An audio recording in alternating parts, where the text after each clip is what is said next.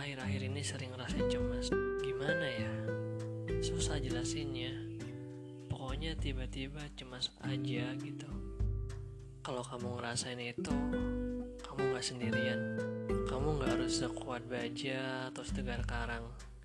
Manusia, ya manusia aja. Kalau sedih, nangis. Kalau bahagia, ya tertawa. Yang terpenting, terimalah dirimu apa adanya. Di podcast ini, kamu akan sering dengerin cerita tentang kehidupan. Semoga membantu ya